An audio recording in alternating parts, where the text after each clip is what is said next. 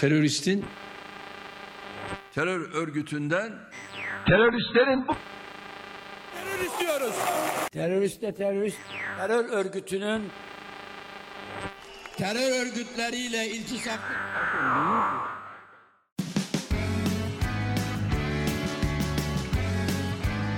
Görecek, duyacak, bileceksiniz. Kısa Dalga Medya. Merhaba, ben Mehveş Evin. Kısa Dalga Podcast yayınına hoş geldiniz. Malum son zamanlarda yönetenlerin dilinden terör, terörist sözcükleri yine hiç eksik olmuyor. Şiddet içeren eylemlere karışanla muhalefet yapan, farklı düşünen, toplanma ve ifade özgürlüğünü kullananlar veya hak savunanlar aynı kefeye konuyor.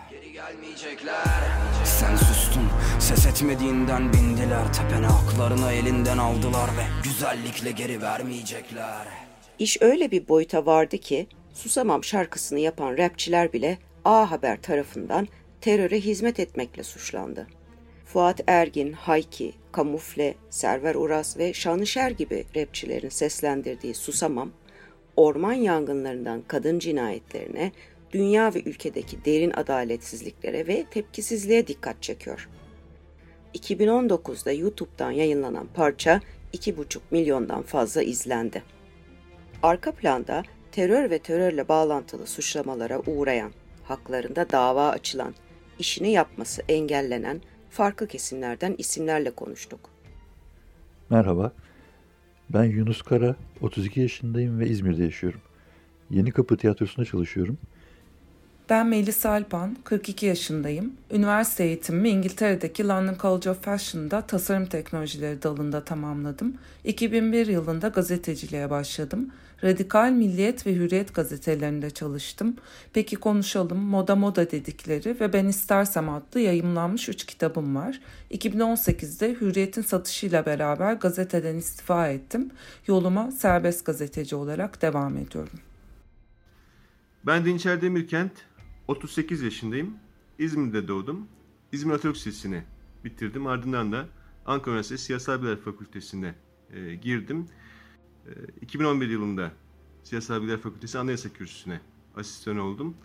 E, 2015 yılında doktora tezimi bitirdim ve 2017 yılında da kanun hükmünde kararname ile ihraç edildim.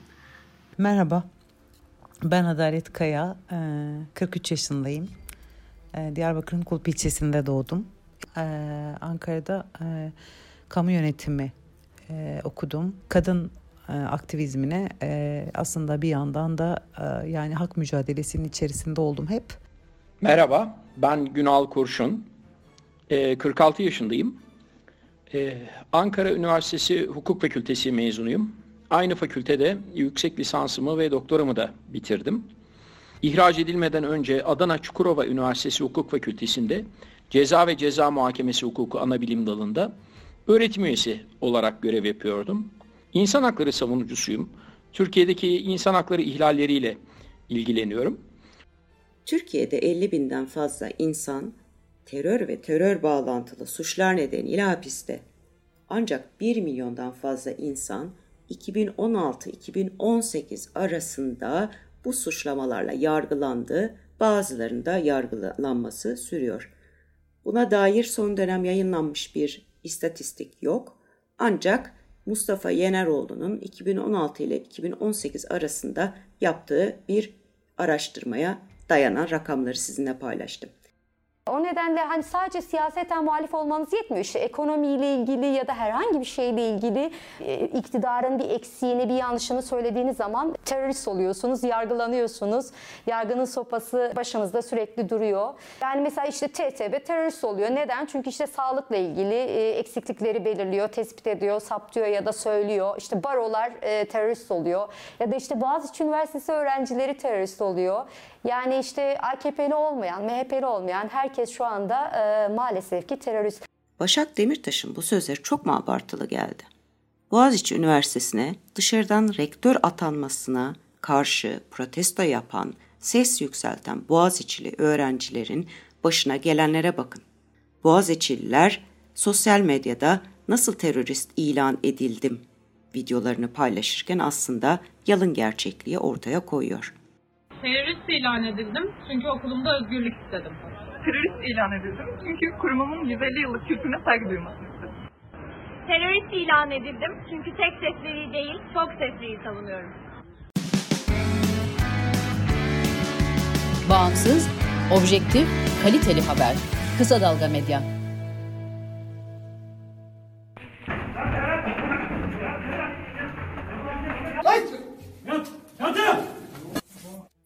Gerekçelerle terörle suçlananların, evleri basılanların arasında tiyatrocular bile var. Mesela 14 Ocak'ta İzmir'de ezilenlerin Sosyalist Partisi'ne bir operasyon yapıldı. Daha doğrusu e, kamuoyuna yansıyan haberler böyleydi. 47 kişi gözaltına alındı. Aralarında Yeni Kapı Tiyatrosu oyuncuları da vardı.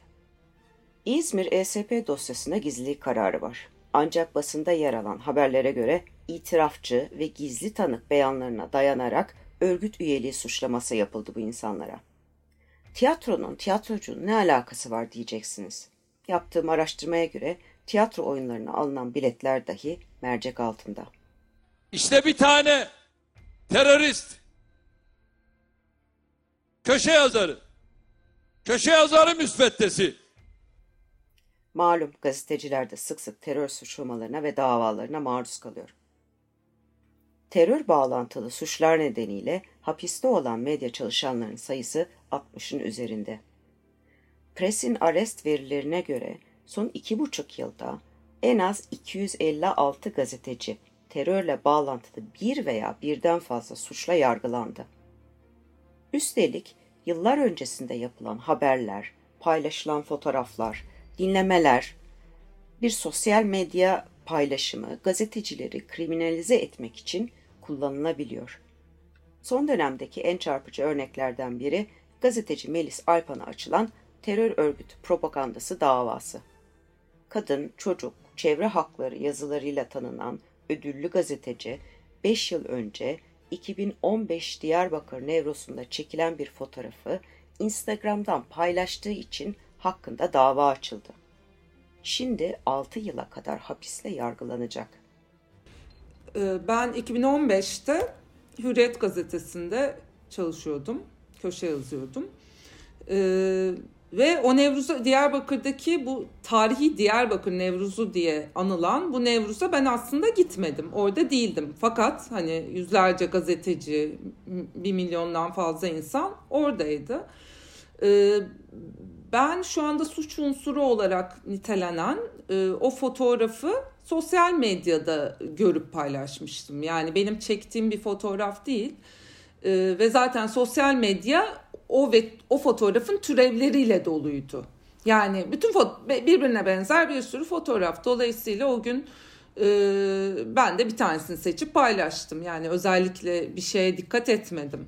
Yani bu sözünü ettiğimiz e, fotoğrafın olduğu Nevruz yani son 30 yılda Türkiye Cumhuriyeti ile PKK çatışmasının barışçıl çözüme en fazla yaklaştığı nokta. Yani dolayısıyla bu zaten o yüzden tarihi deniyor ve herkes orada ve orası her yerden canlı yayınlanıyor. Ee, ertesi gün gazeteler bütün o fotoğraflarla manşetlerde o fotoğraflar o şekilde çıkıyor. Ve yani bunun üzerinden benimle beni terörle ilişkilendirme saçmalığı e, daha da bariz bir hale geliyor. Burada yargının araçsallaştırıldığını düşünüyorum. Yani burada mesele o Nevruz fotoğrafı değil. Yani benimle ilgili bir suç yaratılmak istenmiş ve e, böyle bir suç yaratılmış. Zaten hani son derece komik, e, bomboş bir e, dava, bomboş bir iddianame, bomboş bir suçlama. Yani burada aslında bu fotoğrafla hiç ilgisi yok e, hikayenin. Öyle düşünüyorum. Hak e, gazeteciliği yapanlara, hak ihlallerini haberleştirenlere yönelik bir ekstra baskı söz konusu diye düşünüyorum. Ve e, yani de, evet ben asla tek değilim. Her gün bir gazetecinin, birden fazla gazetecinin e, adliyelere yolu düşüyor. Dolayısıyla yani tek ben değilim ve bana özel bir durum değil ama baktığımızda e, bunların hep e, işte daha çok e, haklar e, yani insan haklarına yönelik çalışanlar, hak savunucuları vesaire onlar üzerine e, bir sindirme politikası diye düşünüyorum.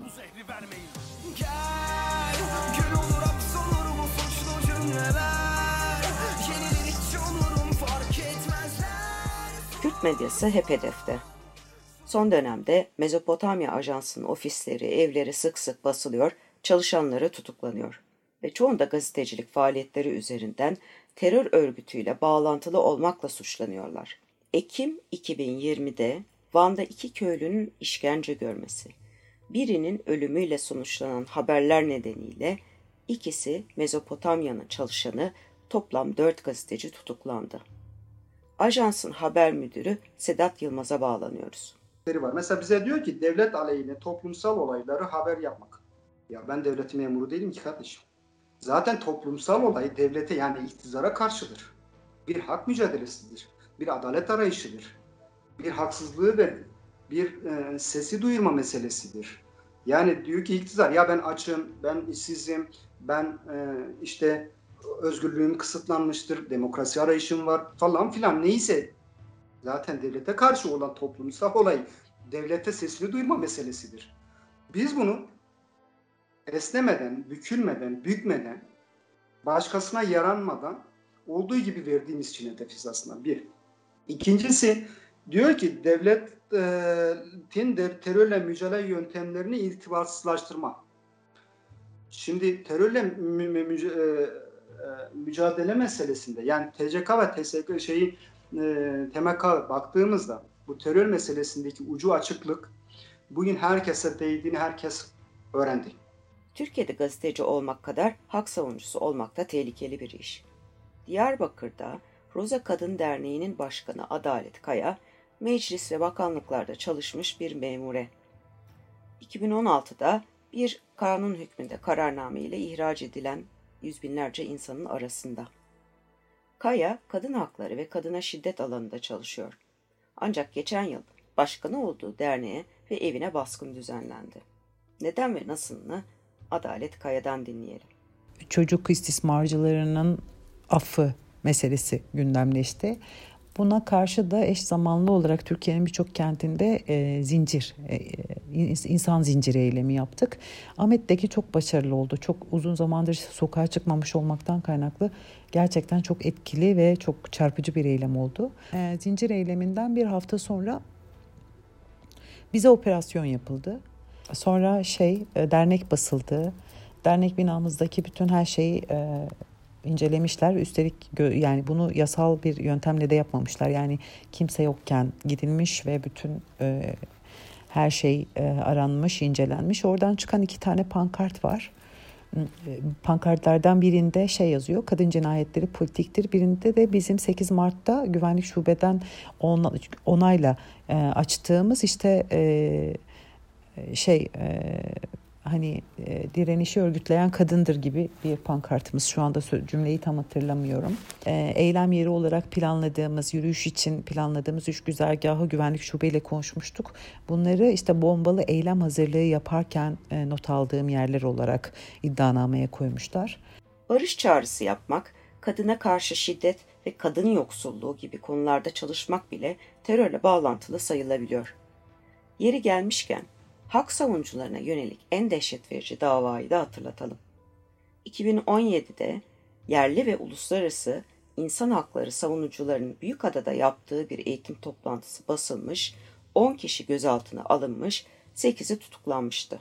Avukat Günal Kurşun toplam 113 gün hapiste kaldıktan sonra tahliye edildi. Bize yöneltilen suçlama tabii o zaman biz kapalı ortamda olduğumuz için bunu çok sonra görebildik. E, hakkımızda 40 gün, 50 gün e, acayip büyük bir e, karalama kampanyası yürütülmüş medyada. İşte casuslar, ajanlar, vatan hainleri vesaire biçiminde. Tabii ki bunların hiçbirisi yargılama sürecinde dile getirilmedi, tartışılmadı dahi. Ve bizler Büyükada davası olarak bilinen davada e, bundan önceki 20-25 yıllık geçmişlerimizle yargılandık aslında. E, Büyükada'daki toplantıya ilişkin herhangi hiçbir şey konuşulmadı yargılama boyunca. E, neticede dördümüz e, mahkumiyet, geri kalan yedimizde beraat e, ettirildik. Peki bu insanlar neden ve nasıl hedef alındı? Ne hissediyorlar, nasıl mücadele ediyorlar? Ee, tabii ki de benim de sesim kısılmak isteniyor. Çünkü bugün baktığımızda Türkiye'deki en e, örgütlü diyeyim yani başarılı hareket e, kadın hareketi sürekli bir ivme kazanıyor ve en büyük sorunumuz da kadına şiddet sorunu. Yani bizim en büyük toplumsal sorunlarımızın başında geliyor. Ben daha ziyade işte daha da sesleri kısalım çabası olduğunu düşünüyorum. Bu yüzden hani nasıl diyeyim top işte bir toplumda bir karşılığı olan gazetecileri vesaire hani ünlü kişileri böyle bir kriminalize etme e, çabası var. Bu şekilde de onların seslerini kısmak yani genel olarak bütün eleştirileri minimize etmek. Ben, ben böyle olduğunu düşünüyorum. Normalde çok kaygılı bir insanım. E, fakat bu bu konuda hiç kaygılı değilim ya da endişeli işte kaygılı endişeli değilim. Kork bir korku yok içimde. Ama e, öfkeliyim. Yani bu benim öfkemi e, nasıl diyeyim öfkemi büyüttü diyeyim bu olay. E, aslında her şeyden biraz elimi ayağımı çekmişken yeniden beni e, devam etmeye kamçıladı diyeyim. E, hani böyle Twitter'da da yazdım. Biri sus deyince inadına konuşasım geliyor. Dolayısıyla yani huyum kurusun. E, yani benim susmam mümkün değil zaten. Hani susarsam yani insan kendini ifade edemedikten sonra hani yaşamanın ne anlamı var ki? Zaten hani yaşam dediğin bitmeyen bir mücadele. İşte bir şekilde mücadeleye devam ediyoruz. Ee, yani bu yıpratıcı bir süreç. Yıpranmadım dersem yalan söylemiş olurum. Ben otosansür uygulamıyorum demiyorum asla. Bu ülkede herkes otosansürü uyguluyor. Ya böyle şey aslında şey absürt ve komik bir e, iddianame okundu. Sonra bu iddia, iddianameye dair savunma yapmadım. Sadece biz ne yaptık, ne, ne yapıyoruz, amacımız nedir bunu anlattık mahkemede de emniyette de. Yani biz kadına karşı şiddetle mücadele konusunda çalışma yürütüyoruz ve e, gerçekten yaptığımız her çalışma buna dairdir. E, hem dernek hem de diğer çalışma arkadaşlarım biz 8 kadın tutuklandık ve ortalama olarak her birimiz 3 ay cezaevinde kaldık. Bir de şey iddianamemde kayyumlar var. Kayyumlara itiraz ediyoruz. Biz kadınlar diye yürüyüş yapmışız. Yani evet ediyoruz. Bunların hepsini mahkemesinde de tekrar savundum ve e, asla vazgeçmeyeceğim şeyler. Barış'ı da e, kayyum politikalarını da reddediyoruz. Barış'ı da savunuyoruz. Yani e, şey değil yani suçsa yine suç işliyorum. Biz birilerinin ne maşası, ne bir gücün, ne bir iktidarın, ne bir devletin, ne de bir şeyi e, süzgecinden geçirmeyeceğiz bu gazeteciliği. Hukukta esneme olmaz. Demokraside esneme olmaz. Hatta hukukta, adalette, özgürlüklerde, demokraside, ifade özgürlüğünde esneme olmaz. Siz esnetirdiğinizde emin olun o e, karşı güç sizi daha fazla büker. Ee, avukatlık e, ruhsatımı da iptal ettiler kanun hükmünde kararnameyle atıldıktan sonra. Ama 2016 e, yılından işte 2020 aralığına kadar yürüttüğüm 4 yıllık, 3,5 yıllık bir hukuk mücadelesi sonunda avukatlık mesleğimi elde edebildim.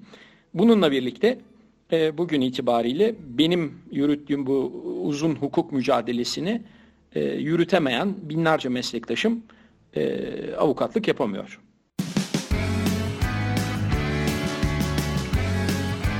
Oku, dinle, izle. Kısa Dalga. Türkiye DAEŞ'le mücadele eden yegane terör örgütüdür. PKK ile de ve diğer terör örgütleriyle mücadele eden yegane terör örgütüdür. Ve Türkiye'nin terörle mücadelesi dünyanın en yüksek meşruiyete sahip mücadelesidir. AKP sözcüsünün yaptığı bu talihsiz dil suçması aslında çok da şaşırtıcı değil. Zira iktidarın sözcüleri düşmanlaştırma taktiğine çok sık başvuruyor. Peki bu düşmanlaştırma halinde yeni olan bir şey var mı? Mülkiyeliler Birliği Başkanı, yazar, yayıncı, akademisyen Dinçer Demirkent, düşman yaratma stratejisinin başka otoriter rejimlerde de uygulandığına dikkat çekiyor. Ee, bir, bir tür iç düşman yaratma stratejisi olarak aslında e, böyle e, otoriter rejimlerin birbirinden ithal ettikleri e, bir şey olduğunu, e, çok çok paralel eğilimler olduğunu Dolayısıyla içeride bir e, düşman yaratma stratejisi bu rejimlerin temel özelliklerinden biri. E, AKP de bunu e, özellikle gezi sürecinden sonra çok yaygın bir şekilde uyguluyor. Demirkent terör çemberinin nasıl genişletildiğini ve iktidarın uyguladığı bu stratejinin tehlikelerini şöyle yorumladı. Selahattin Demirtaş'a terörist dediğinizde sadece Selahattin Demirtaş'a terörist demiş olmuyorsunuz. Yani e, onun aldığı oy Türkiye'de işte 5-6 milyon e, kişinin e, oyunu almış, Cumhurbaşkanı adayı olmuş e, bir insandan bahsediyoruz. İstanbul'da İstanbul Büyükşehir Belediye seçimlerinin kazanılmasında temel örgütsel faaliyeti yürütmüş bir kadından bahsediyoruz. Dolayısıyla bu insanların terörist olarak yaftalanması kamuya açık böyle per, performatif eylemlerle sadece şeyde değil. E, Cumhurbaşkanı e, bir açıklama yapmıyor. Sadece Süleyman Soylu bir açıklama yapmıyor. Aynı zamanda bir takım e, işte fotoğraflar, resimler, görseller, Twitter kampanyaları da örgütleniyor bu konularda. Dolayısıyla bir, bir ikili bir çember kuruluyor diyebilirim. Birinci çemberde bunu örgütleyenler var, bunu söyleyenler. İkinci çemberde de ve bu çember sürekli genişliyor. E, bir, bir tür e, terör sınırları çizen, belirsiz sınırlar çizen e, ve e, onu dolduran, sürekli dolduran e, kişiler var ve bu, bu, bunun stratejik olarak yapıldığını düşünüyorum. Dolayısıyla AKP dönemindeki e, fark bu. E, artık e, bu söylem etrafında bir iktidar stratejisi e, örülmeye başlanıyor. Daha önceki başka tür bir egemenlik stratejisiydi. E, yani sizi cezalandırmaya dönük, suçlamaya dönük, fişlemeye dönük bir şeydi. Şimdi bu yeni stratejide bu yine yapılıyor. Fişleniyorsunuz. E, fişlemenizin sonuçları artık e, herhangi bir hukuk yoluna başvurmanız mümkün olmadığı için daha da ağır oluyor. E, fakat yeni bir şey var. O yeni bir şeyde e, iktidarın kendini var etmesinin e, bir e, siyasal e, yolu olarak, söylemsel yolu olarak e, bu terörist e, kelimesini, yaftasını, suçlamasını ne, ne, artık ne dersek diyelim kullanması. Benim yenilik olarak gördüğüm şey bu. Bu yeni durumda şiddetin belirsizliğin içine sokuluyorsunuz. Çünkü neyle karşılaşacağınızı artık bilmiyorsunuz. Suç örgütü liderlerin tehditlerine de maruz kalabilirsiniz, kalabalıkların şiddetine de. E, benim dediğim eşik korkunun yani ötesinde bir şey. Yani bu, bu terörist e, söylemsel stratejisi, terörist kavramı üzerine kurulmuş söylemsel strateji gerçekten e, başka tür bir rejim değişikliğinin eşiğine geldiğimizi ve bu eşik aşılırsa e, artık e, işte o hakkımızda iyi ve kötü, iyi ya da kötü bir karar verecek yargı, hakkımızda iyi ya da kötü bir karar verecek bir e, devlet kurumu, başka idari kurumlar gibi şeylerle karşı karşıya e, kalmak yerine bambaşka bir şeyle e, karşı karşıya kalabileceğimize ilişkin çok kötümser e, bir şey yani korkunun çok daha ötesinde e, bir şeyden bahsettiğimi söylüyor. Bu yayını daha iyimser sözlerle bitirmeyi çok isterdim. Ancak kanunların keyfi ve kişiye özel uygulandığı bir ortamda buna pek olanak yok. Hoşçakalın.